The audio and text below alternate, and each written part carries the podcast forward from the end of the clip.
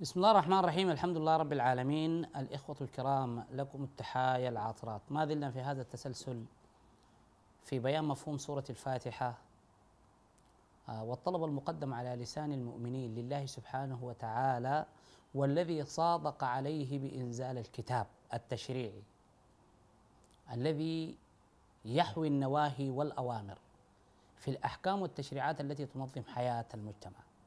وقلنا أن الاستعانة أمر والعبادة أمر وقد تم الفصل بينهما بتكرار قوله إياك نعبد وإياك نستعين. وعلى حسب الآيات الواردة في سورة ياسين وأن اعبدوني هذا صراط مستقيم العهد من الله سبحانه وتعالى لبني آدم. ألم أعهد إليكم يا بني آدم أن لا تعبدوا الشيطان؟ وأن اعبدوني هذا صراط مستقيم. فالصراط المستقيم ذكره الله سبحانه وتعالى في السياق المتصل من سورة الأنعام الآية 151 و 152 153 من قوله تعالى قل تعالوا أتلوا ما حرم ربكم عليكم ألا تشركوا به شيئا وبالوالدين إحسانا ولا تقتلوا أولادكم من إملاق نحن نرزقكم وإياهم ولا تقربوا الفواحش ما ظهر منها وما بطن ولا تقتلوا النفس التي حرم الله إلا بالحق ذلكم وصاكم به لعلكم تعقلون. ولا تقربوا مال اليتيم إلا بالتي هي أحسن حتى يبلغ أشده. وأوفوا الكيل والميزان بالقسط والميزان بالقسط. لا نكلف نفسا إلا وسعها. وإذا قلتم فاعدلوا. ولو كان ذا قربى. وبعهد الله أوفوا. ذلكم وصاكم به لعلكم تذكرون. وأن هذا صراطي مستقيما فاتبعوه. ولا تتبعوا السبل فتفرق بكم عن سبيله. الشاهد في هذه الآيات قوله تعالى وأن هذا صراطي مستقيما فاتبعوه. اذا الإنسان الذي يحقق العباده هو الذي يتمثل السير في الصراط المستقيم وهو ما, ما يسمى بالوصايا العشر. ولقد أفاد الدكتور المرحوم محمد شحرور في بيان هذه القضية بشكل موسع في كتابه المعروف الجامع والمانع الكتاب والقرآن. وبالتالي لا نريد أن نهدر الوقت في مزيد من الشرح حول هذه القضية أو مفهوم الصراط المستقيم. ولكن هنالك إشارة أن الوسائل تدرج الوسائل والغايات في كتاب الله سبحانه وتعالى تنتقل من أسفل إلى أعلى بشكل لولبي أو شكل حلقي. كيف الكلام ده؟ إذا قلنا مثلا الصبر والصلاة هي وسائل استعانة. وسائل استعانة معناها لتحقيق غاية. الغاية هنا عبادة الله سبحانه وتعالى. السؤال هل عبادة الله هي غاية أو منتهى الغايات؟ لا. إنما عبادة الله سبحانه وتعالى هي في حد ذاتها وسيلة لتحقيق غاية أرفع منها. ما هي الغاية الأرفع من العبادة؟ هي واجب الاستخلاف في الأرض. يمكن دي الغاية. اذا أنا عندي وسيلة لتحقيق غاية. الغاية دي لا تتحقق إلا بهذه الوسيلة. الغاية نفسها وسيلة لغاية أكبر منها. وإنت ماشي في تدرج بشكل لولبي. الاستخلاف في الأرض. طيب الاستخلاف في الأرض هل هو غاية الغايات؟ تنتهي عنه جميع الغايات؟ الإجابة لا. الاستخلاف في الأرض ذاته غاية وسيلة لتحقيق غاية واحدة وحيدة هي ذكر الله سبحانه وتعالى. لقوله تعالى ولذكر الله أكبر والله يعلم ما تصنعون. وكلمة أكبر هنا الصفة جاءت على وزن أفعل.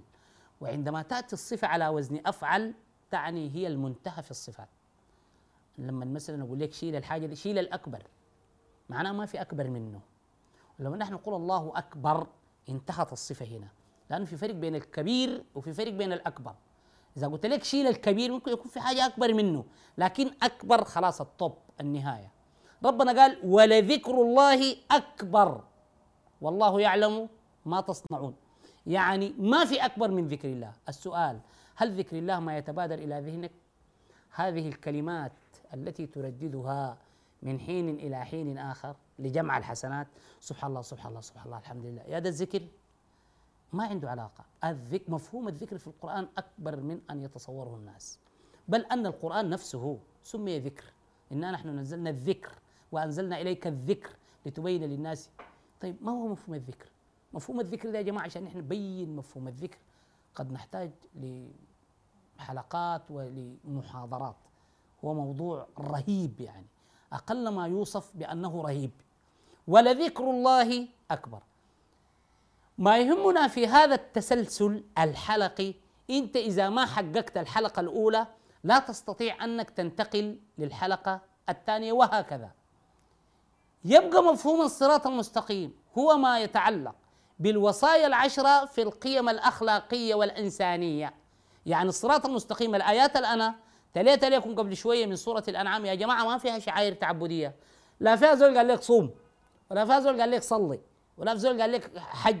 ما, ما فيها. ما لم تذكر فيها هذه الأشياء. هي عبارة عن قيم أخلاقية. لانها هي اللي بتحدد قيمتك في المجتمع. هي سميت القيم ليه؟ لأنه قيمتك في المجتمع وعند الله بتقوم عليها هي. فيبقى الشعائر اللي بنسميها الشعائر التعبدية هي وسائل لتحقيق الغاية دي. إذا أنت بتقيم الشعائر صلاتك في المسجد وصيامك رمضان والاثنين والخميس وتصوم الليالي البيض وتمشي الحج كل سنة.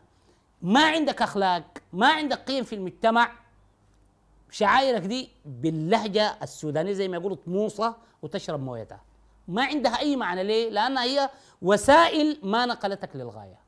وده الحاصل في الأمة الإسلامية. مقفل المجموع في الشعائر في الوسائل. لكن كل هذه الوسائل الوسائل لم تنقلهم إلى حقل الغايه إذا جينا في الأخلاق بنلقاهم زيرو. يعني ممكن يجي مارق من صلاة الصبح. صلاة الصبح في جماعة وبيركبك ماسورة في تلفون في السوق. هو ذاته نفس الشخص. يبقى المشكلة وين؟ يعني بغشك. بيطلع من الصلاة وصايم رمضان وفي السوق بغشك وبيعتبرها نوع من الفهلوة يعني. اذا هنالك في مشكلة في أزمة هنا لازم تتفكى مفتكرين الدين هو دي صلاة وصلاة وزكاة وصيام وحج حينما نقل لنا أنها أركان الإسلام. أركان الإسلام أمر يختلف تماما عما في ذهنك. أركان الإسلام حتى الحديث بني الإسلام على خمس الله. هذه هي أركان الإيمان بالأمة المحمدية. يعني عشان أنت تكون مسلم محمدي إلا تقيم الأركان دي الصلاة والزكاة والصيام والحج. أما عشان تكون مسلم أركان الإسلام ما عندها علاقة بهذه يا جماعة. في فرق بين أركان الإيمان وفي فرق بين أركان الإسلام.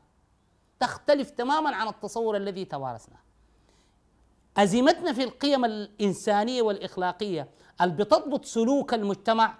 نحن فيها للأسف رسوب. ودي مشكلة. ولو تعمقنا في حديث المفلس هو بيفسر هذه الظاهرة. يأتي أحدكم يوم القيامة بصلاة وزكاة وصيام وحج دي كلها الشعائر ولكنه وقد في المقابل ضرب هذا وشتم هذا وسفك دم هذا. النتيجة شنو؟ يؤخذ بهذا من حسناته ولهذا من حسناته. حتى إذا نفدت حسناته ولم يستوفي خصوم أخذ من سيئات من ظلمهم ثم طرح في النار. يعني اتجلد باللاتو. للناس اللي ما بتفهم طبعا.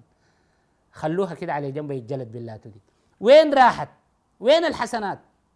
فهو جاي صلاة وزكاة وصيام وحج كلها مقبولة. يعني ربنا قبلها لكن ما نفعتك.